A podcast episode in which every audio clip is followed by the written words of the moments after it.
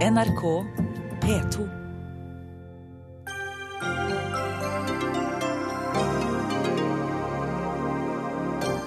Erna Solberg kritiserte de som gikk i tog mot reservasjonsretten 8. mars. Utrolig dårlig politisk håndverk, mener Dagbladets Marie Simonsen. Oljebransjen må løfte på lokket og fortelle hva den driver med, synes Gilmøyden Kise-partner, som møter Statoil i åpent landskap i Dagsnytt 18. Regjeringa er preget av idétørke, ifølge Arbeiderpartiet. Sier det er så lite å gjøre på Stortinget at de kunne tatt fri til påske. Hvis det er den verste kritikken de har på lager, kan de like gjerne ta ferie, svarer Høyre. Og lær av idretten, sier sponsorsjef Jakob Lund til Kultur-Norge, mener aktørene må tørre å bli mer kommersielle.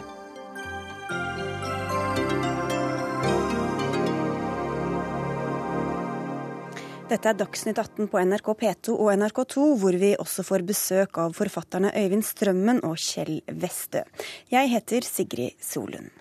Og først i denne sendinga skal vi til Asia og til det forsvunne passasjerflyet fra Malaysian Airlines. Fly og marinefartøy fra seks land leter nå etter Boeing 777-flyet. Det var på vei fra Kuala Lumpur til Beijing med 239 passasjerer og besetningsmedlemmer om bord da det forsvant sporløst fredag. Og Anders Magnus, du er Asia-korrespondent i NRK. Hva er siste nytt om det forsvunne flyet? Det er foreløpig ikke funnet noen eh, vrakrester etter flyet, eller på noen annen måte identifisert hvor det kan ha forulykket. Men eh, det siste nye nå er at eh, Kina har tilbudt seg å benytte alle sine overvåkningssatellitter, som til vanligvis brukes til andre ting, til å settes inn for å forsøke å finne ut hvor det kan være vrakrester som eh, kan identifisere en eventuell ulykke. Det var fint vær i området, og det ble ikke oppfattet eh, noen nødsignal. Hvordan er det mulig at et stort fly kan forsvinne på den måten? Det er to hovedteorier. Det ene går ut på at det er materialtretthet. Eh, flyet har vært reparert i en vinge tidligere, slik at det kan ha vært noe som har spredd seg fra den gangen, og slik at deler av flyet rett og slett har falt av en annen eh, hovedteori er at det har skjedd en eksplosjon, enten eh, pga. en bombe eller pga. noe annet fly som har eksplodert. Eh, fordi ingen flygere har jo sendt noe signal at det har skjedd noen ting. De har ikke rukket noe som helst før flyet så å si har forsvunnet både fra radaren og fra kommunikasjonen med land. Mm. Hva er det som skaper spekulasjonene om at dette muligens er en terrorhandling, da? Først og fremst eh, at eh, noen av passasjerene eh, har fløyet med falske pass om bord. Og det er jo avdekket mer og mer mystiske omstendigheter rundt kjøp av disse billettene. De skal være kjøpt via en agent i Thailand og betalt av en iransk forretningsmann under navnet Mr. Ali. Og det er eh, usikkert eh, hvem disse personene er. Nå skal eh, myndighetene i, klart, nei, i Malaysia ha klart å identifisere en av dem, og sier at det er ikke-asiatisk utseende på den mannen. Men vi vet ennå ikke hvem disse personene er. Og Hva kan du si om flysikkerheten i det området hvor det er forsvunnet? Vanligvis så er den betraktet som veldig god. Malaysia Airways har hatt en et veldig godt rykte. Det er et fly som eh, veldig sjelden har vært ute i ulykker. Så eh, ut ifra slike ting så er det ingenting som skulle tilsi at det skulle skje noe med flyet. Takk skal du ha, Anders eh, Magnus.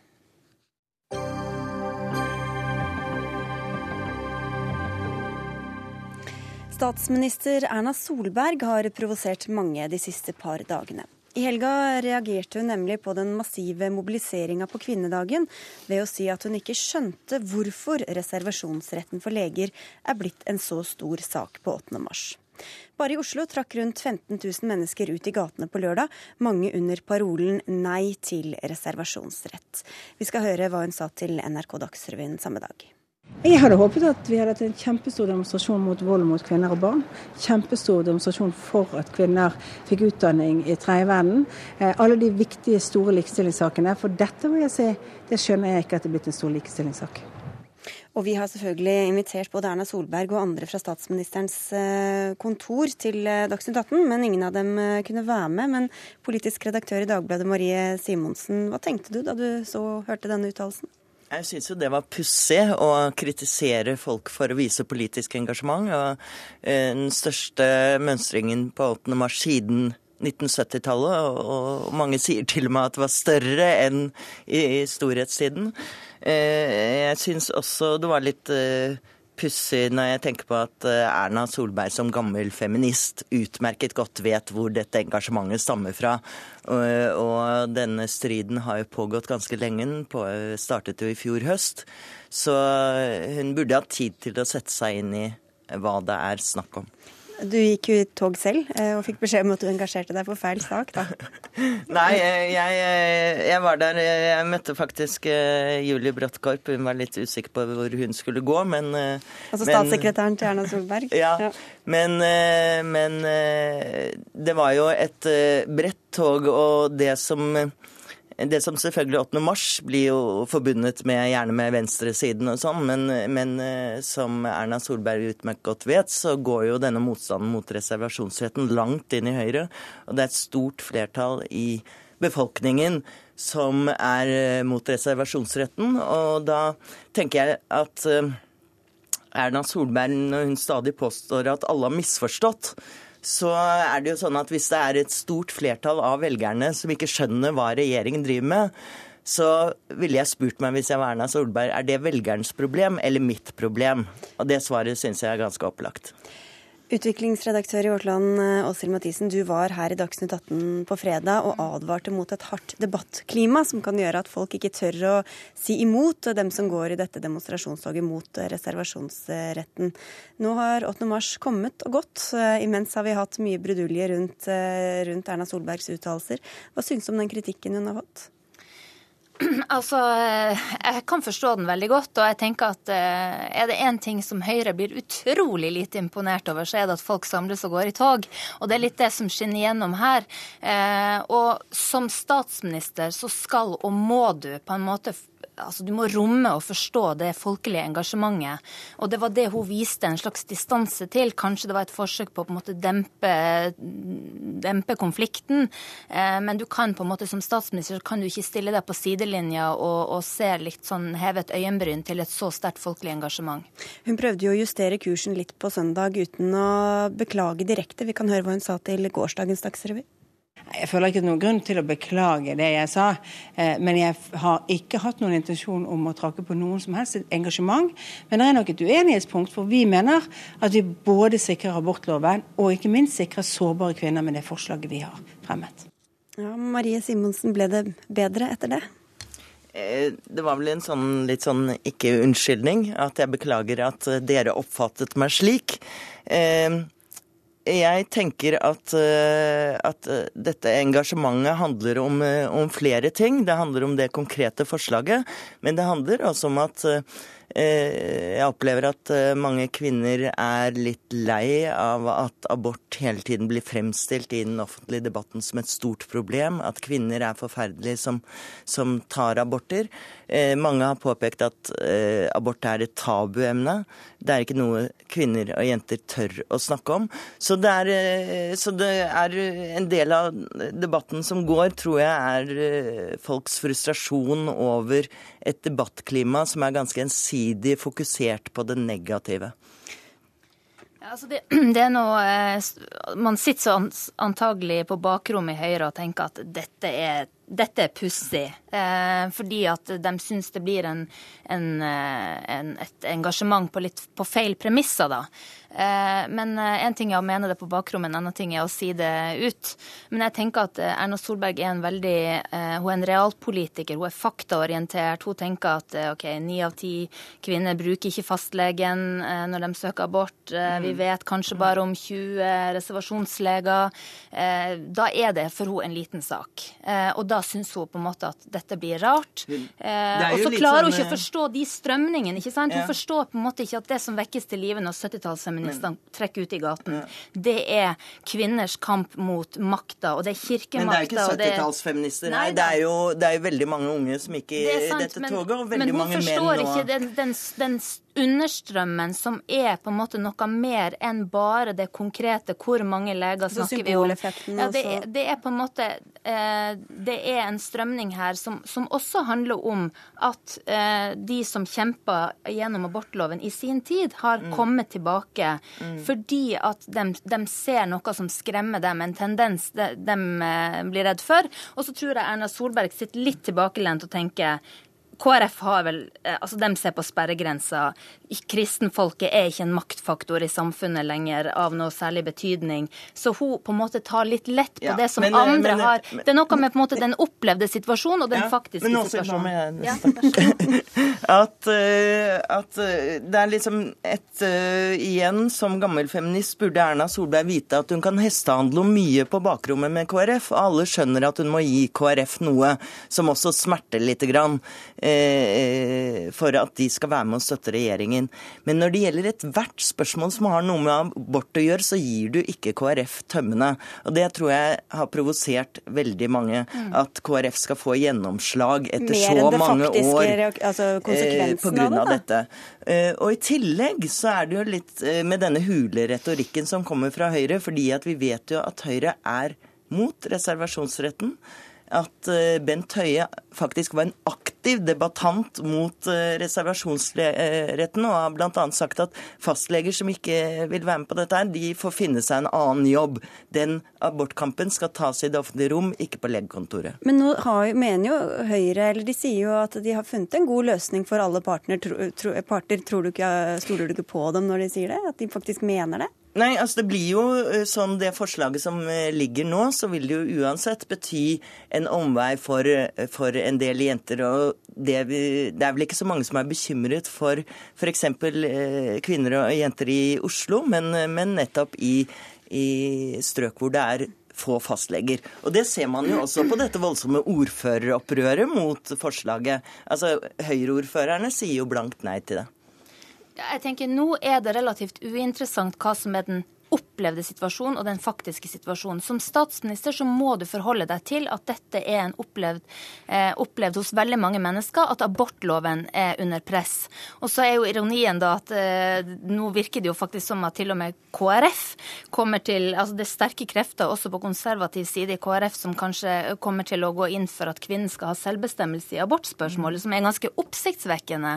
Men likevel så har man en opplevelse av at noe er under press, som man kanskje ser til Europa, så det burde hun på en måte forstå. Hun burde forstå, altså dette sånn PR-messig er det ganske katastrofalt at du stiller deg på sidelinja for et så sterkt uh, folkelig engasjement. Jeg har foreslått at KrF skal komme Erna til unnsetning og, og, gi slipp på forslaget. Det er ja, for Hvilke muligheter har, har, nå Høyre og regjeringa til å komme ut av dette? Eh, det er jo nesten ingen utvei her. Men, eh, men en annen pussighet som har oppstått, er jo at de bygger jo på Legeforeningens forslag. Og Legeforeningen ser etter alle solmerker er i ferd med å snu. Og det vil ikke regjeringen regjeringen sitte og vente på. Det er også litt merkelig. Vi får si takk i denne omgang i hvert fall til deg, Marie Simonsen fra Dagbladet, og til Åshild Mathisen fra Vårt Land. Dagsnytt 18 alle hverdager klokka 18.00 på NRK P2 og NRK2.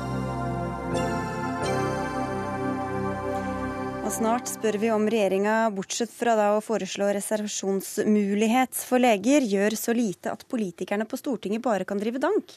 Men først til en reise gjennom muslimhat. Skjønt det høres vel ikke så veldig forlokkende ut, eh, forfatter og journalist Øyvind Strømmen? Eh, nei, det er ikke nødvendigvis en spesielt hyggelig reise, det men eh, det kan være nødvendig å gjøre den likevel. Ja, for det er det du har gjort nå i denne boka di eh, I hatets fotspor, hvor du tar for deg både 22.07 så vel som vold og rasisme i andre tider og i andre land. Du er innom Belgia, Bosnia bl.a. Hvorfor er det viktig å se sammenhengen mellom disse strømningene, mener du? Jeg tror det er viktig når en skal forsøke å forstå eh, muslimer som et moderne fenomen, at man og ser til dette i ulike kontekster i ulike land. Uh, og at man nå kan da få øye på det som finnes av paralleller. F.eks. så mener jeg det er viktig å se til, til Bosnia og til det muslimhatet som fantes og fremdeles finnes, spesielt i den serbiske delen av Bosnia og i Serbia, og da også i kultureliten osv. Fordi at selv om det var en annen historisk kontekst, så er veldig mye av retorikken som ble brukt på 1980-tallet i Serbia, veldig lik det man kan finne i den moderne muslimhatet hvis man går på internett og leser konkrete nettsider, eller til og med hvis man følger med på, på kommentarfeltet. Um, og Det gir jo rom for å diskutere det litt som et eh, bredere fenomen. Du skriver også om flere andre mm, soloterrorister, altså i likhet med Anders Behring Breivik, som du sammenligner med terroraksjonene hans. Eh, bare Kan du nevne et par av dem, fra, altså, og voldshandlinger også både fra Norge og fra andre land? Ja, jeg har jo sett boka både på eh, en sak i Belgia. Der var en ung mann som eh, skjøt eh, flere innvandrere på gata. Um, og jeg har eh, tatt med meg en amerikansk eh, terrorist som, som var motivert av mer tradisjonell nynazisme. Um, og jeg har også sett på den saken som var i Trondheim, der det var en uh, også ganske ung mann som, som drepte en muslimsk drosjesjåfør. Mm. Og i, i, flere av disse sakene som du tar opp, så uh, det, vekker det også paralleller til 22.07, juli, hvor det i etterkant av saken var litt ulikt syn på hvor mye som handlet om psykiatri, og hvor mye som, uh, som handlet om politikk. Hvor mye av det kjenner du igjen også i disse andre sakene? Det er klart det er noe man finner ofte i forbindelse med, med særlig i forbindelse med soloterrorisme. Fordi at det, For å forstå soloterrorismen så søker man gjerne etter de, de forklaringene som går på, på, den psykiske tilstanden til vedkommende. Uh, og det kan ofte være både rimelig og fornuftig å gjøre.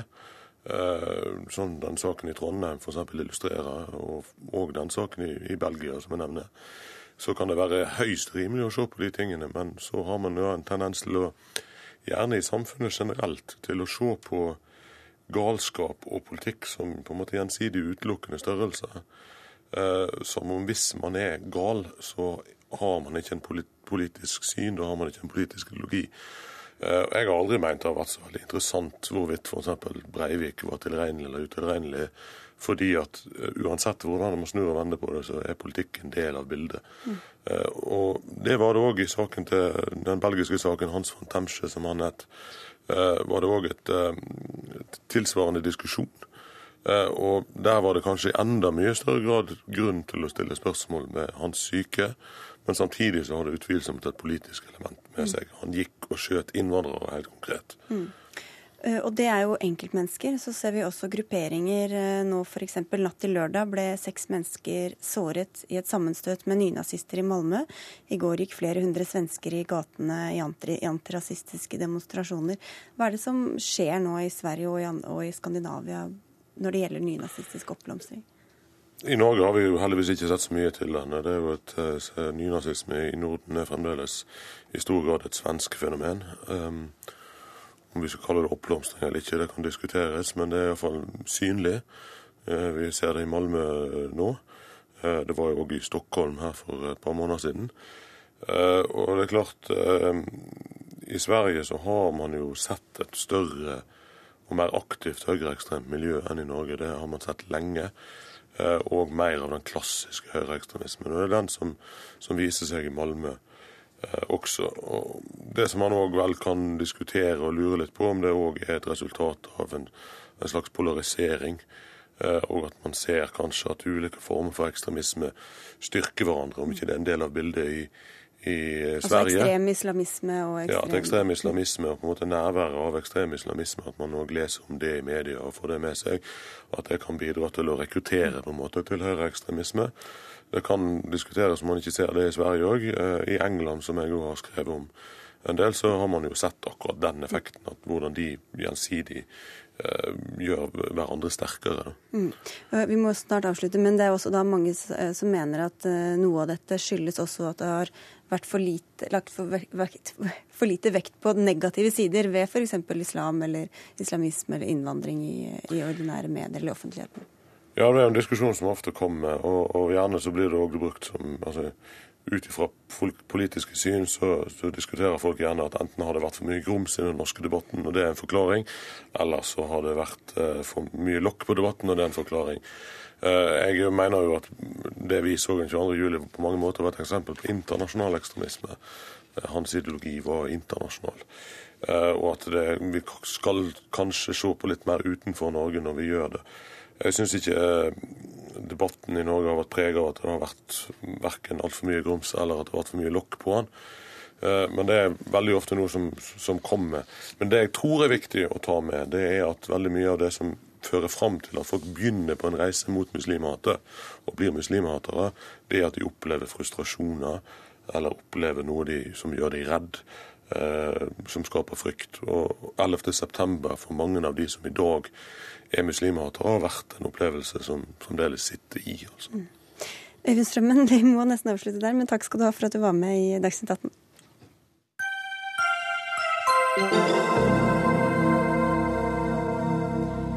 Regjeringa leverer så få saker til Stortinget at møter i komiteene blir avlyst. Arbeiderpartiet kaller regjeringa for handlingslammet, og sier at de kunne tatt fri til påske fordi de har så lite å gjøre. Solberg-regjeringa leverte 45 saker til politikerne på Stortinget denne våren. Det er 40% av det Stoltenberg leverte i sin første vårsesjon, skriver du i en kronikk på NRK Ytring. Eh, Fredrik Bjørdal, du er stortingsrepresentant for Arbeiderpartiet. Hvorfor er det så galt med litt late dager på Stortinget? Ja, det, er jo ikke så, så gale. Vi har jo heldigvis eh, mye å styre med. I heimfylket mitt får jeg besøke mange bedrifter og treffe mye spennende folk. og Likeens i Arbeiderpartiet så, så, fyller vi dagene med, med å stille spørsmål til regjeringa, delta i debatter og fremme interpellasjoner. Det første og fremst i komiteen er at vi, vi er arbeidsledige. Eh, og Der eh, kan vi i prinsippet ta, ta fri til, til, påske, kanskje til og med til sankthans, fordi regjeringa leverer så, så få saker. Og Situasjonen er, er den samme i andre komiteer. Sakskartene er, er, tomme, og en må avlyse møtene sine. Og Jeg er jo litt skuffa over det. Eh, og det må jo være pinlig for, for regjeringa. Eh, fordi all den tid en gikk så høyt på banen i, i, valgkampen og lovte handlekraft. Nå skulle alt bli så mye bedre med borgerlig regjering. Vi skulle få se en drøss av nye ideer og, og bedre løsninger. Eh, og Nå er de i regjering, og de har hatt åtte år på å forberede eh, og sitte i regjering. Og så, så, så leverer de, de, så lite. Vi får høre med din eh, komitémedlem også, Stefan Heggelund fra Høyre. Hvor blir det av handlekraften? Jeg syns det er mye handlekraft, det. Jeg forstår ikke helt denne kritikken. Altså, for det første så er det jo sånn at på det tidsrommet vi er nå, så er det ca. like mange saker levert av Solberg-regjeringen som det var i 2005 av Stoltenberg-regjeringen. Det er sånn det er det når det er nytt regjeringsskifte. Eh, så, så, det er på en måte ikke noe nytt. Men så mener jeg jo også at denne regjeringen har vist handlekraft. For det første så har man satt i gang med Lærerløftet og satse på etter- og videreutdanning som lærerne ønsker og fortjener. Vi har eh, senket skattene betraktelig. Eh, arveavgiften er fjernet. Det gir ikke dere noe mer å gjøre i komiteen, gjør det det da? Vel, det viser jo i hvert fall handlekraft fra borgerlig side og regjeringens side. Forrige uke så signerte partene i arbeidslivet IA-avtalen, en ny IA-avtale, eh, lenge før den selvpålagte fristen. En forenklet og forbedret IA-avtale som alle er veldig fornøyde med. Så det, er, så det er ikke bare sånn at det er antall saker som kommer til Stortinget som har noe å si, men det er faktisk hva regjeringen gjør, og denne regjeringen har levert. Og dere ble jo kritisert gang på gang på gang i regjering for å ikke involvere Stortinget nok, så det er vel litt sånn egen rød-grønn medisin dere får smake på nå? Ja, Det var jo ikke måte på hvor vi, hvor vi fikk høre at det nå skulle bli, det bli nye toner med mindretallsregjering og Høyre- og Frp-representantene som, som, gledde seg til at Stortinget skulle bli mer involvert. Men nå ser vi det at eh, en blir ikke involvert, og saker kommer ikke til Stortinget. Eh, tvert imot så trekker en tilbake viktige saker som Stortinget kunne behandle. Mellom annet en veldig god melding levert av Stoltenberg-regjeringa som handler om å få flere i arbeidslivet. Bestemte Solberg-regjeringa å trekke tilbake. De ville ikke at Stortinget skulle få behandle den. Og det er veldig alvorlig all den tid arbeidsløysa er på stigende tendens. Eh, regjeringa ville ikke at Stortinget skulle diskutere tiltak for å bedre arbeidsmarkedspolitikken, men vil heller sitte stille i båten og se på at arbeidsløysa øker. Så det er alvorlig. Ja, men Dette faller jo på sin egen urimelighet. Det er jo ikke sånn at man trekker tilbake en melding fordi man syns det er veldig gøy å gjøre det, eller bare for å trekke den tilbake for moro skyld. Altså, grunnen til det er jo at vi er uenig med Bjørdal og Arbeiderpartiet om at den meldingen som Stoltenberg-regjeringen leverte, var så veldig bra. Snar, derfor så er den trukket tilbake for å gjøre den meldingen bedre.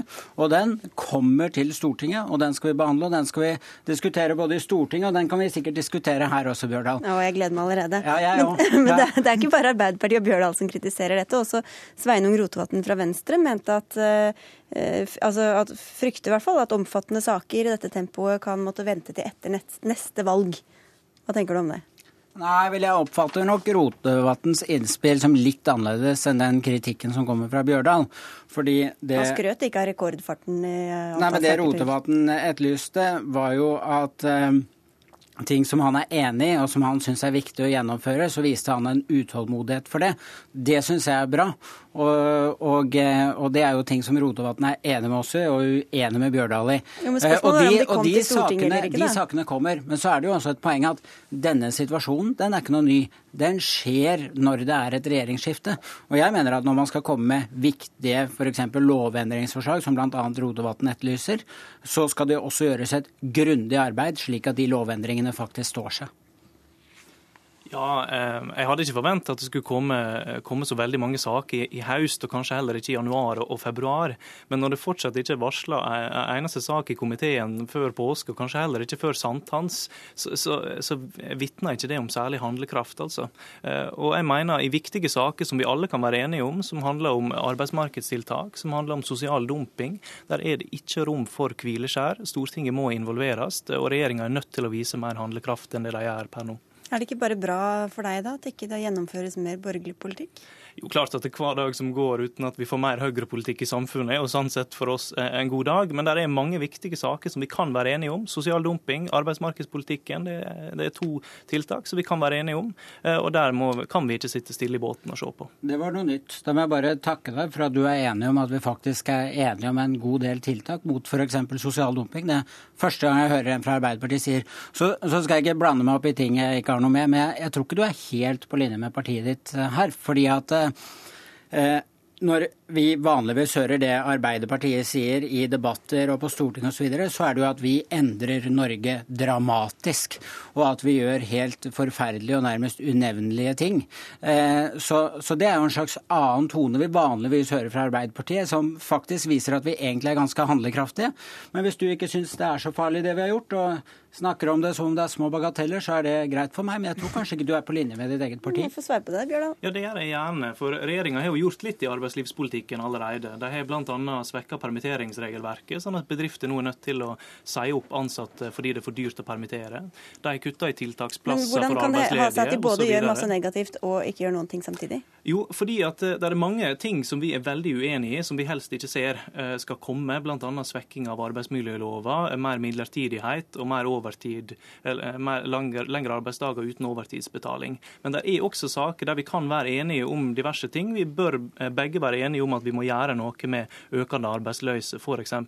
Så det Det er bare noen ting du ønsker at skal komme til Stortinget, da. Ikke så veldig mye av det. Nei, ikke sant. Og det, ikke sant? Så det er ikke så veldig, er, kritikken er jo ikke spesielt konsekvent. men nå skal ikke jeg prøve å være en slags amatørversjon av Magnus Takvam eller Lars Nehru Sand eller noe sånt nå, men jeg mener at den kritikken vi hører her nå, den er egentlig et symptom på et større problem i Arbeiderpartiet. Og det er jo nemlig det at etter at de tapte valget, så har vi ikke hørt noe annet enn eh, gammel valgkampretorikk fra deres side. De har ikke hatt noe politikkutvikling. De har tre tenketanker på, på venstresiden. De oppretter plutselig en fjerde for å få fart på meningsproduksjonen. Arbeiderpartiet har ikke noe å komme med.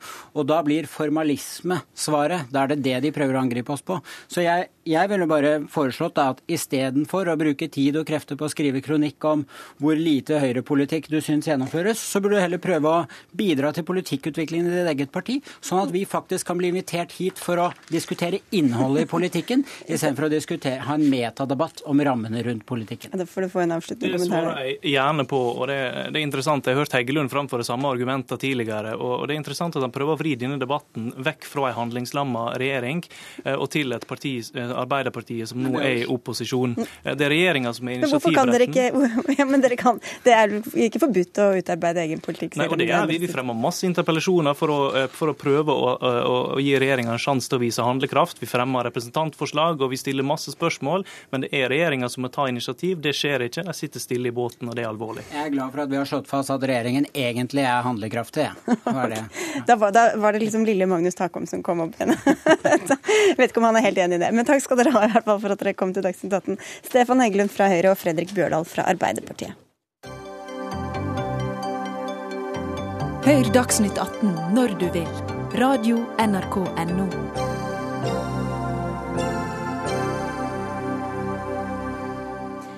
Hvor vi om få minutter skal diskutere om kulturen må lære av idretten og samarbeide mer med privat næringsliv. Men før det til en bransje som utgjør store deler av det samme næringslivet, nemlig oljesektoren. Og den har overlatt definisjonsmakten til motstanderne sine, og det er lagt en osteklokke over hele bransjen. Denne kraftsalven kommer fra deg i Dagens Næringsliv i dag, Gunnar Mathisen. Du er seniorpartner i Gilmøden Kise. Du får forklare hva du mener først. Jeg mener at, eh, og denne artikkelen er jo skrevet i kjærlighet til bransjen, som jeg kjenner godt og har levd med eh, over siden av i veldig mange år, at dette er en bransje som er den siste skanse av norsk taushetskultur. Jeg mener de bør nå åpne seg, komme ut, fortelle de fantastiske historiene de har å fortelle om innovasjon, om teknologi, om kompetanse. Men vi hører nesten aldri noe om hva denne næringen får til. Eh, Hvilke eksempler har du på at bransjen overlater diskusjonen til andre, eller kommer på, banen for seint og for lite? Ja, jeg syns f.eks. miljø- og klimadebatten. Der eh, viser bransjen seg hver gang de får kritikk, men de prøver aldri å ta dette på alvor, vise at de tar det inn over seg. Og jeg mener alle som har et problem, eh, det hjelper veldig ofte å begynne å, snakke om problemet, eh, forholde seg til det. Og det er klart at eh, Også i denne sammenhengen så kan bransjen fortelle veldig mye om hva man både på godt og på vondt bidrar med med hensyn til klimaregnskapet i Norge. Gro Brekken, du er administrerende direktør i bransjeorganisasjonen Norsk olje og gass. Hvordan står det til inni denne osteklokka? Ja, eh, jeg må jo innrømme at jeg syns at Gunnar Mathisen har et poeng. Vi vil jo mer enn gjerne fortelle den glade nyhet om teknologiutvikling og arbeidsplasser, og 250 000 arbeidsplasser over hele landet, hvorav 20 000 nesten i oljeskyggen Oslo og Akershus. Men, det, men vi er ikke gode nok til å finne vinklinger på den glade industrinyhet som er på en måte morsom for media å ta opp. Og så er det noe jeg er uenig i, og det handler om dette med klima. Klima har Klimautfordringen er det som har endret synet på norsk olje- og gassindustri i eh, media, og vi tar det absolutt på fulleste alvor. Vi er helt klar over og helt tydelige på at dette er menneskeskapt, og det må vi ta et ansvar for å gjøre noe med. Og vi må være tydelige på at vi er eh, en del av eh, problemet. Men litt av utfordringen vi har når vi skal forklare dette, er jo at vi sier på en side at vi, vi eh, naturgass det vil redde Europa fra kulldøden og klimautslippene. Men vi kan ikke bruke det i Norge, for her er det et problem. Og det er klart at Et så komplisert budskap er ikke alltid noen eh, kioskvelter. Eh, Så det må vi nok streve med å jobbe med for å få frem tydeligere. Men klima, det tar vi virkelig på alvor. Ja, jeg syns det er godt å høre det eh, som sies eh, her nå. Og jeg tror at man eh, kunne ha gjort veldig mye mer, ikke bare på det området, men på mange andre områder. Åpnet seg. Altså, Vi har 55 oljeselskaper i Norge. Eh, hvem kjenner navnet på én av eh, direktørene der? Eh, Kanskje i Statoil, men jeg tror hvis du gjorde en befolkningsundersøkelse, så er jeg ikke engang sikker på at Helge Lund eh, ville være kjent blant eh, folk flest. Altså Det viser jo noe om at man eh, er innenfor en osteklokke, og der går alt veldig bra. Der gjør de en kjempestor business, men man må løfte av klokka, vise fram hva man gjør, ta, samfunns, eh, ta samfunnsansvar, bli en del av samfunnet. Skal, du nevnte Statoil, så vi skal få med også Jannik Lindbekk junior, Du er informasjonssjef der. og Hva svarer du på denne kritikken om eh, lukkethet og osteklokke? Nei, jeg må si jeg kjenner meg ikke helt igjen i den virkelighetsbeskrivelsen. Jeg opplever at interessen for i hvert fall for Statoil er veldig stor. Og vi som selskap følges veldig tett. Og vi jobber jo hele tiden for å sikre at omverdenen får godt innblikk i hva vi holder på med og, og hvordan vi opererer. Så Sånn sett så, så tror jeg at, at, den åpenheten som vi viser, er, er ikke bare viktig for oss, men også viktig for det som Mathisen adresserer. da. Så er det slik at uh, Tilliten til næringen vår er jo veldig høy. Den er helt på nivå med andre næringer og, sterkere til dels enn bank og telekom. Og Tilliten til Statoil er også veldig høy i Norge. sånn at jeg tror at Eh, det bildet han beskriver er, er nok kanskje litt, eh, litt, unyansert og litt for dystert. Eh, for næringen følges med stor interesse, både når det går bra og når vi har potensial til å gjøre ting bedre. Her var det ikke så veldig mye forbedringspotensial, skal vi tro, Mathisen? Nei, det er bemerke, bemerkelsesverdig hvor fornøyd man er med seg selv i, i Statoil. Jeg, og jeg vet at Statoil gjør veldig mye, mye, bra, men det er ikke nok. Vi var en gang, en, og jeg har levd så lenge, at vi snakket om en stolt skipsfartsnasjon. Men snakker vi om en stolt oljenasjon? Nei, vi gjør ikke det. Og mange av, i det politiske miljø er nesten flaue av det. Og jeg tror at eh, mange i næringen har eh, nærmest eh, mindreverdskomplekser. Og jeg mener at det er veldig viktig nå at man står fram, og at vi får til en åpenhetskultur hvor uh, Grobrekken, uh, hvor oljeselskapene tar et tak og viser fram hva er det de holder på med. Hvordan er det mulig å utvinne uh, disse ressursene på så dypt vann, så langt ifra land? Hvordan er subsea-teknologien blitt til i Norge? Det er, det er, jo ingen som vet dette, det er bare Gro og jeg og, og Jannik snart. Vi skal slippe det Grobrekken her òg. Det er ikke helt riktig, for vi gjør årlige målinger som viser at dette her vet det norske folk. 90 av eh, folk i Norge vet at dette er Norges viktigste industri og at den har langsiktige perspektiver. Så det er helt riktig. Men det er klart at det vi får oppmerksomhet rundt, og som vi ikke kan prate bort, det er klimautfordringene. Og det må vi på en måte bare tåle, og det må vi møte på en god og offensiv og konstruktiv måte. For de er reelle, og her må vi gjøre noe. Hvordan skal dere klare å gjøre det, da, når dere vet at dere også er årsaken til de samme problemene? Ja, vi er jo begge deler. Vi er jo på en måte en del av en fossil eh, industri, en, en fossil eh, industri som eh, produserer noe som vi alle har bruk for, også her i Norge. Og, og så langt vi ser, helt til 2050, så vil det være store andeler av fossilt innslag i eh, både i forhold til kraftproduksjon og i forhold til hos oss som transport. Så det vi kan gjøre, det er jo to ting. Det ene er å produsere olje og gass med så lavest klimautslipp som mulig, og det må vi prøve å forbedre hele tiden. Det er bare produksjonen, da. Så når det skal forbrennes, så er det jo ikke så mye dere ja, kan gjøre der, til eller fra. Nei, det, det, vi kan jo ikke styre alle, bil, alle, biltrafikken i Norge heller. Men det vi kan gjøre, i hvert fall å sørge for at vi, har, at vi er å stole på når det gjelder å være en langsiktig naturgassleverandør til Europa. For det har både kontinentet og England vært tydelige på at det er viktig for dem hvis de skal satse på noe annet enn kull i fremtiden. Janne Klimbekk, ja, kom igjen. Jeg tenker at eh, Det som også er, det er jo veldig viktig debatt, dette her, og det er viktige ting som, som er viktige problemstillinger som reises i den forstand at eh, som en langsiktig industri så er vi også opptatt av at, eh, at fremtidige generasjoner skal være interessert i å uh, ta seg utdanning og jobbe innenfor uh, vår bransje. Så Det er jo noe som vi fokuserer mye på, og som vi jobber godt sammen med andre i næringen på også.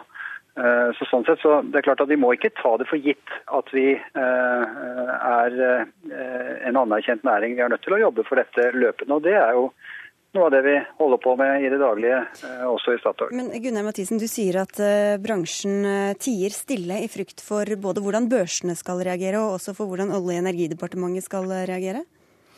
Eh, ja, eh, det er blitt en kultur hvor eh, det er liksom Wallenbergsfamilien å, virke, men ikke å synes, som er det credo som gjelder. Og Det er mulig at det var en forretningskultur som virket på 50- og 60-tallet, men i, i, vår tids åpenhetskultur så går ikke dette. Du er nødt til å gå ut og fortelle om hva du daglig gjør for å rekruttere høykompetent personell, hva du gjør på forskning og utvikling. Det er så mye du Mange historier om norsk oljevirksomhet som ikke blir fortalt. Fordi at man nesten tør ikke. Man er redd for å få en smekk over fingeren fra Olje- og energidepartementet. Skal jo forhandle om lisenser, og, og, da må man oppføre seg skikkelig. Og man er også redd for å få en smekk over fingeren fra markedet.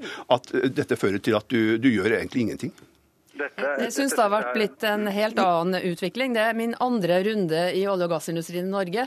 Og jeg syns absolutt at det har blitt en helt annen innstilling fra oljeselskapene, hvor de er veldig opptatt av kommunikasjon og opptatt av å vise at de bidrar til samfunnsutviklingen i Norge. Mm. Men jeg tror du har helt rett i at vi underkommuniserer alt vi får til. Det du skriver, at vi har skapt det nye Norge. Jeg har denne rapporten som vi lagde i fjor, Norsk olje- og gassnæring, om industrien som er skapt. 250 000 arbeidsplasser og hvor de er. Det er historier som jeg tror vi må fortelle om og om igjen, og vi er ikke gode nok til det ennå. Da skal jeg ende litt sånn navlebeskuende her, Janne Klinbekk, for du har jo vært med i sendinga vår i Dagsnytt 18 mange ganger. Sjefen din, Helge Lund, er verre å be. Hvis han i det hele tatt kommer, som han jo nesten aldri gjør, så vil han i hvert fall ikke være med i, i noen debatt, bare la seg intervjue. Hva slags åpenhet blir det av sånt? Jeg tror eh, vi viser eh, ganske stor grad av åpenhet. og eh, Det å prioritere tid er alltid en utfordring, men han har jo stilt opp i Politisk kvarter og i Søndagsavisen og til debatt der. Og, så Jeg kjenner meg ikke helt igjen i den beskrivelsen. Vi, jeg tror nok at Helge Lund gir flere intervjuer i løpet av et år enn noen annen næringslivsleder, og det er kanskje naturlig. Men, men det, det, som er det, er det, gjennomgående her, er jo at jeg, jeg tror at de ledende mediene i Norge de følger jo vår bransje veldig tett. Eh, jeg skulle gjerne sett mer dekning fra vår eh, industri, og det jobber vi for. Og vi har en veldig god historie å fortelle, og det er vår, eh, vår oppgave å sørge for at folk får innblikk i hva vi holder på med. Janne Klindbøk i Statoil, takk skal du ha for at du var med i Dagsnytt 18. Takk også til deg, Gro Brekken fra Norsk olje og gass, og til deg, Gunnar Mathisen fra Gilmuden Kise.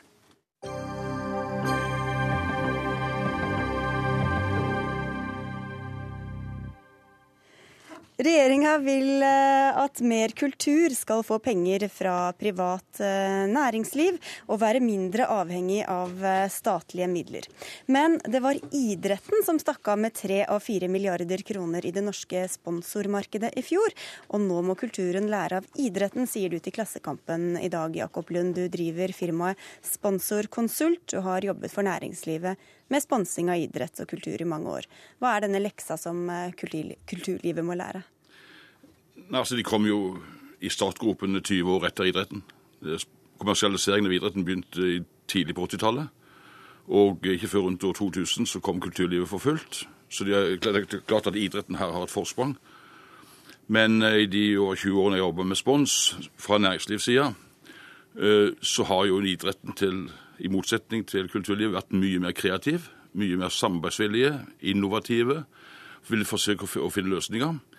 Eh, I store institusjonaliserte kulturgrupper som eh, de store offentlige teatre, museer osv., der finner man kanskje større fleksibilitet. Men jeg har hatt hundrevis av eh, kulturbedrifter som har kommet til stått med hatten i hånda og sagt vi, må, vi trenger penger.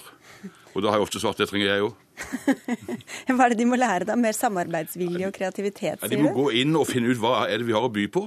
Hva er det vi kan tilby næringslivet som gjør det interessant? Fordi at eh, de som nå har minijobber rundt omkring, de blir spurt annenhver dag what's in it for us? Hvorfor skal vi gjøre det? Mm. Og regne dette hjem igjen. Det heter på godt norsk return of investment, altså ROI. Hvordan, hva får vi ut av dette? Hvordan kan vi styrke vår merkevare her?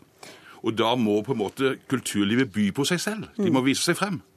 Arnfinn Bjerkestrand, du er musiker, og du er også andre nestleder i Norges eh, kulturråd. Eh, idretten stikker altså av med tre av fire milliarder eh, sponsorkroner. Hvorfor tar dere ikke mer? Byr dere fram? og la meg si til min eh, her at det, altså, privatkapital det har jo vært en del av både norsk kulturliv og, og internasjonalt kulturliv så lenge kunst har oppstått.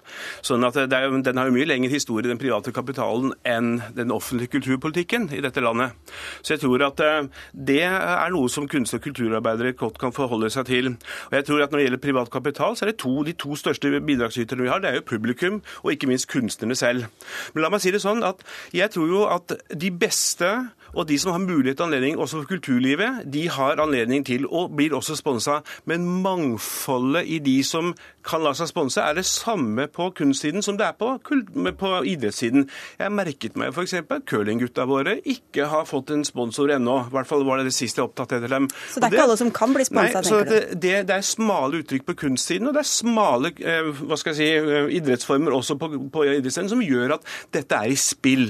Sånn at vi kan lære av hverandre. Og til slutt bare, jeg tror at den som har mest å lære, det er næringslivet som kan lære mest av hvordan opptre en kunstner, hvordan forstå en kunstner. Det er ikke til slutt helt ennå, da men eh, du snakker om at jeg også har en jomfruelighet eh, Lund, som de er redde for å miste i kulturlivet? Ja, fordi at eh, når du spør disse, litt, disse kulturgruppene litt på sida, så har de, svært mange av de ikke tenkt igjennom hva de har å by på. De, hvorfor skal vi samarbeide med dere? Jeg var sponsorsjef i konsernet da vi hadde Kulturby Bergen i år 2000. Det var et risikoprosjekt. Det var avantgarde-kunst, men vi valgte å, å, gå inn på det. Vi deltok aktivt. Jeg tror vi var hovedsponsor. Men når vi gikk inn på disse nesten performance-gruppene rundt omkring som skulle være med i løpet av 360 dager på, i løpet av kulturbyåret, og, kan vi dra noe av dette inn i banken, inn i vitalforsikring, inn i, andre, inn i vår kommunikasjon? inn i, vår, øh, i våre assosiasjoner, så visste de ikke hva de skulle gjøre. Altså, de, de, hadde liksom ikke noe, de, de, hadde ikke noe statement for hva vi, hva, hvorfor ønsker vi å være med dere. Mens andre, sånn som Nationaltheatret, har kjempeeksempler på samarbeid med de. Og Bergen Filharmoniske Orkester med eh, Ibsen-år i 2006. Men hva er det det er greit å tilby da, som kunstner altså, til en som vil sponse det? Altså, vi er mye godt enige her. For dette, for eksempel I min andre hjemby, Stavanger, har jo da privat kapital uh, tilført Stavanger Konsertes 120 millioner kroner. Men det som er en utfordring også for kunstnere og idrettsfolk, er at det går jo en moralsk og etisk grense også hva man vil sponses av. Og da er vi inne på noen som vi skal Beklager at jeg avbryter deg. Vi skal trekke inn også deg, Elin Øyen Wister. Du er en av kunstnerne bak aksjonsgruppa Stopp oljesponsing sponsing av eh, norsk kulturliv. Eh, og, hm? Er du med oss her? Jeg er med. Ja. Eh, hva tenker du når du hører Jakob Lund her som sier at dere må la dere sponse mer? Nå skal jeg representere meg selv og ikke den gruppa, selv om den også all, ja, den har jo miljøfokus og mener at det burde være selvsagt at uh, norsk kunstliv ikke lar seg kjøpe av de som ødelegger framtida deres. Så Det er liksom grunnlaget for, bakgrunnen for hva den gruppa tenker. Mm. Men jeg vil egentlig snu alt, jeg. Ja. Eh, jeg vil snu hele spørsmålet. Jeg vil, jeg vil, si, til, eh, jeg vil si til, eh, den regjeringa vi har, og de som ønsker at kulturlivet skal sponses mer, at vi eh, har behov for en grunnleggende debatt om hva kunst og kultur skal være. Og i den sammenhengen så lurer jeg på hvordan, hvorfor er det feil å ha kritiske tanker? Er det ikke viktig å verne om sin egen dyd? Er det ikke bortskjemt å ikke stille bedrifter til ansvar. Virksomheter må ta samfunnsansvar, og virksomheter og næringsliv må være transparent. Og så er jeg helt enig at kunstnere og kulturarbeidere må gå i seg sjøl, og de må eh, tørre å eh, se på sin egen praksis og se rundt seg og finne ut av hvem er det jeg kan jobbe med, hva har vi å tilby de. Det fins sponsorer som man kan jobbe med selv om, man har et politisk standpunkt. Men for mange av oss er det veldig viktig å si at vi kan ikke ta imot penger fra en uetisk virksomhet. Så klart, hva er en uetisk virksomhet? Det må vi debattere. Men nei. Vi sier til idretten hvorfor tar dere så mye skitne penger? Kan vi ikke snu det? Mm. Jakob Lund, hvor lett er det å bli sponsa da, tror du? Hvis man nei, skal ha denne mor moralske grenser? Nei, det er nesten umulig, fordi at uh... ja, Vi er jo ikke interessert. Nei, men da er det jo greit. Da skjønner jeg ikke hva, hva vi diskuterer egentlig. Nei, det er egentlig. ikke det det handler om. Det handler om at det går an å stille bedrifter til samfunnsansvar. Nå hører vi jo nettopp debatten før oss som handler om transparentitet i olje- og gassindustrien. Vi må jo kunne få leve i et bortskjemt land og si hallo, se på dere, se rundt dere. Det fins en verden her vi er ikke bare alene i Norge. Ja, Dere må gjerne stille spørsmål til hvem dere vil. Jeg trodde, jeg, vi, vi nå snakket snakke om hvorvidt eh, kultur og kunst ville bli, eh, eller ikke fikk fatt i sponsorer fra det private næringsliv. Ja, men det, Jeg har jobba med mange eh, virksomheter som jeg kan jobbe sammen med. Ja. Som f.eks. hvis du ser på Øyafestivalen, er et godt eksempel på at man velger å ha noen etiske sponsorer og at man velger bort f.eks.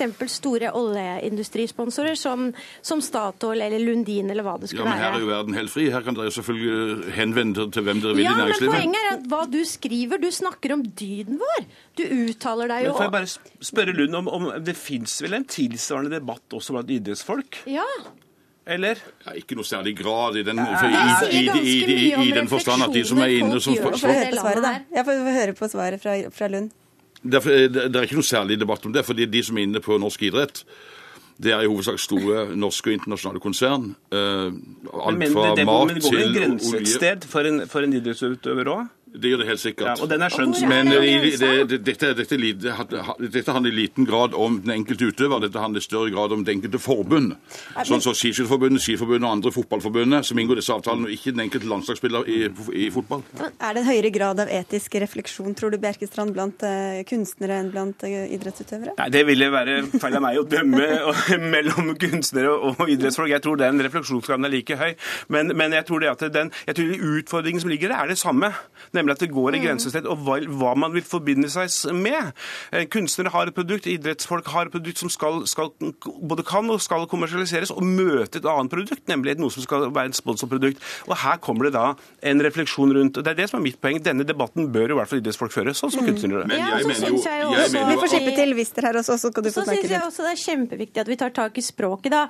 Jeg ønsker ikke å bli definert som et menneske som skaper et produkt. Jeg er imot en kapitalistiske økonomiske system. Jeg er mot nyliberalisering. Jeg er ikke imot å samarbeide med etiske bedrifter. Det er veldig mange av oss som syns det er kjempepositivt. Og også dette med egeninnsats og egenkapital. Men bare si at Når jeg sier produkt, så vil jeg bare si at da snakker om, om verket, eller Ja, det du er Men det er å bruke det språket, da, så kanskje vi skal si verket. Jeg, når, og når jeg snakker om samarbeid med, med kulturlivet, så snakker jeg om å bytte kompetanse. Veldig mye av den kompetansen som er innenfor kulturlivet, er godt anvendbar Absolutt, i, er i, i, i næringslivet. Men, men Lund, hvilke råd da vil du gi til noen som har eh, en sånn, sånn som eh, Wister her, som vi hører? Ja, for, jeg, altså, finn ut hva dere kan. Jeg hadde et møte med Ellen Horn i, i, i mars eh, 2000. Og så og signet opp en avtale mellom DNB og, eh, og Nationaltheatret. Og så sier Ellen husk at vi skal ha premiere på Arturo Ui av Bertolt Brecht 1.11. Her på Hovedscenen. Jeg, jeg kjente jo stykket, men så tenkte jeg her skal altså et svært teater med 15-20 ulike interessegrupper planlegge en prosess, og det skal starte klokka 19.30, ikke klokka 19.25 og ikke klokka 19.35, og aller helst skal de levere det terningkast 6. Jeg har nesten ikke vært på et prosjekt innenfor næringslivet som er blitt fullført akkurat når de lovte i forkant. En gladhistorie, altså. Ja visst. Takk skal dere ha i hvert fall for at dere var med i Dagsnytt 18. eh, Jakob Lund, Arnfinn Bjerkestrand og Elin Øyen Wister med fra Bergen.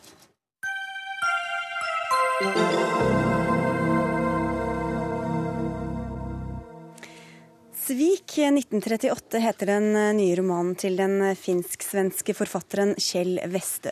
Boka er nominert til Nordisk råds litteraturpris. Handlingen er satt til Helsingfors i tiden rett før andre verdenskrig eh, bryter løs. Kjell Westø, velkommen til Dagsnytt 18. Takk. Det er vel snakk om svik på flere plan. eh, flere svik i denne boka. Hvorfor valgte du akkurat den tittelen? Sanningen er at på, på svenska heter denne boken faktisk Tegring 38, som Ah. betyr hildring. Og det er også et bra navn, for det handler om, den utspiller seg hovedsakelig året 1938, som var et år da menneskenes drøm om det gode livet uh, gikk opp i røk, var på vei å forvandles til en hegring i hele Europa. Men svik er også et bra navn, for det handler også om et år som er fullt av svek og fullt av, av uh, saker som ikke er hva de utgir seg for å være. Du skal få lese en liten eh, passasje fra, fra boka di. Det fanns något slocknat och dött i blicken hos många av de manliga fångarna. Som om de sjunkit ner i en förtvivlan så djup att de inte längre ville leva. Medan kvinnornas ögon fortfarande brann. Matilda såg livsviljan glimma till i deras blickar i halvdunkla inne i kasernen. Hon hörde dem säga godnatt till varandra med obrutna röster innan de lade sig ner och försökte komma till sömns på det skrovliga asfaltgolvet. Somliga brann av hat mot de vita. Andra bars bara av den enkla drömmen om at en dag får vandre ut från og och återta sitt liv. Og det du leser nå, det er ikke fra 1938, men fra- fra en, eh, tidligere, en handling tidligere som også er en parallell handling, på en måte. Denne berettelsen utspiller seg fra från eh, mars til november 1938. Men en slags grunnbult i den så er personenes minnen, plågsamma minnen, fortrengte minnen fra det finska innbyrdeskrigen 1918. Og det her var, det her korte, korte avsnittet jeg leste, så det handler om den kvinnelige huvudpersonens minnen. Hon har varit internerad. Hon uh, har varit, kommer från en proletär, en röd arbetarfamilj och har hört till den förlorande sidan i inbördeskriget och varit internerad i fångläger sommaren 1918 som ung, riktigt ung flicka, 16-17 år gammal. Og da kan man jo spørre seg hvorfor eh, folk som har opplevd eh, de grusomhetene i denne borgerkrigen, 20 år senere går inn i mye av de samme, samme grusomhetene. Ja, de, de drogs jo inn i dem. Det er sant, altså, Både i denne romanen, uh, 'Svik 1938', og, og, og, en tidligere roman, uh, 'Der vi en gang gått', så har jeg forska i og vært fascinert av denne generasjonen mennesker som fødtes kring år 1900. Og deres liv det var når de var unge. Altså innan de ens ble voksne, så var det første verdenskriget. Innan de har fylt 40 så var det andre världskriget. Och historien vet ju berätta att ännu när första världskriget började så var ju många män entusiastiska och lyfte på sina hattar och hurra för sina kejsare och ville gå ut i krig. Det var annorlunda 1938. Människorna ville inte på samma sätt mm. då, åtminstone i de flesta länder var det så. Men noen var jo mer entusiastiske enn andre også før eh, andre verdenskrig. I, om ikke for krig, så i hvert fall for en del av strømningene fra, fra Tyskland og fra Europa. Sanningen er jo at vi hadde da to jättestora dik diktaturer i Europa. Altså Stalins Sovjetunionen og framfor alt Hitlers og nazisternas Tyskland. Og det er jo der det, det handler veldig mye i denne romanen også om, om individens maktlöshet när, när diktatoriska härskare mm. pressar på och, och eh, vill, vill skapa mörker där där ändå större delen av mänskligheten vill ha ljus. Och uh, det har faktiskt varit ett huvudtema i väldigt många av mina romaner och är det mer än någonsin i denna. Detta med in, hur, in, hur pressad som i ett skruvstäd individen blir när, när samhället håller på att falla sönder eller när, när, när vi står inför historiska brytningspunkter. Då blir den lilla människan uh, pressad och fast som i ett skruvstäd och det enda hon kan säga är kanske som soldat Sveik i Jaroslav Haseks berömda bok att vi ses på puben klockan tolv efter kriget. Hva er det ved nettopp den utrolig pressede situasjonen som gjør at det blir godt romanstoff eh, for deg, da? Ja, for meg var nok et viktig skäl til å forlegge en berettelse til just 1938, foruten da at, att, att det handlar om, om Finlands tidiga historia som självständig nation. Men ett annat skäl var den, den enorma kontrasten i detta år, då, då känsliga och belästa och intelligenta människor måste ha anat sig till att det kommer att gå riktigt, riktigt illa. Men vi hade ett år där Stalin härskar i Sovjetunionen, Hitler och nazisterna i Tyskland, det spanska inbördeskriget, ett mycket grymt krig, pågår. Samtidigt, människor gick på bio som aldrig förr. Man lyssnade på slager som var ett nytt modefenomen. Man dyrkade filmstjärnor som Greta Garbo, Clark Gable, Cary Grant. Uh, den här kontrasten mellan den grymma verkligheten och människans eviga behov av eskapism, den syns så tydligt i det mm. året. När man nu efteråt det är ju så lätt när vi har facit i hand att läsa tidningarna och man får lust att skrika när man ser vad som står i dem. Att ser ni inte, ser ni inte mm. vart detta är på väg? Men vi er jo precis her i vår samtid, vi er kanskje like blinde. Mm. Menneskene er alltid noen måned, noen måned blind for sin egen samtid. Og du blander jo inn, eh, som du sier, historiske mm, ting som, som har skjedd. Selvfølgelig også i det store, men også i det lille. Du, mm. Eh, du beretter om en mm, en tevling, altså en, et, et idrettsstevne, der hvor en jøde blir dømt til å komme på fjerdeplass, mens han egentlig vant. Ja. Og det er også noe som har skjedd i virkeligheten. Ja, det, det, var kanskje det mest merkelige og fantastiske med, med denne boken hjemme i Finland den gangen høsten. For det her er da en virkelig hendelse. Og 1938, når Helsingfors blivende Olympiastadion hadde innvigningstävlingar i juni, så vann en jude 100-metersloppet, det første 100-metersloppet som løptes der, og plasserades som fyra. Ingen vet riktig hvorfor. Jeg anvendte denne scenen i boken for jeg syntes det var en så gripende scen. Hur kan man vinna en idrottstävling framför 20 000, 30 000 människor och dömas som fyra och ingen gör något? Men det fantastiska som hände var att efter 75 år så bad det finska friidrottsförbundet först om ursäkt men det räckte inte. Två senare så ändrade de resultatet. Och den här löparen är ju död sedan länge. Han, han det verkliga livets löpare. Han dog 1976 i Stockholm. Men hans brorson lever och han har en dotter. Så de var veldig glade. Men det tok 75 år? Det tok 75 år. Vi får si uh, tusen takk, uh, Kjell Westø, for at du kom uh, til Dagsnytt 18. Takk. For vi har ikke mye mer tid igjen i sendingen vår. Det var Eivind Våge som var ansvarlig for den. Lisbeth Sellereite sto for teknikken. Jeg heter Sigrid Elise Solund, og Dagsnytt 18 er tilbake i morgen klokka 18. Ha en fin kveld.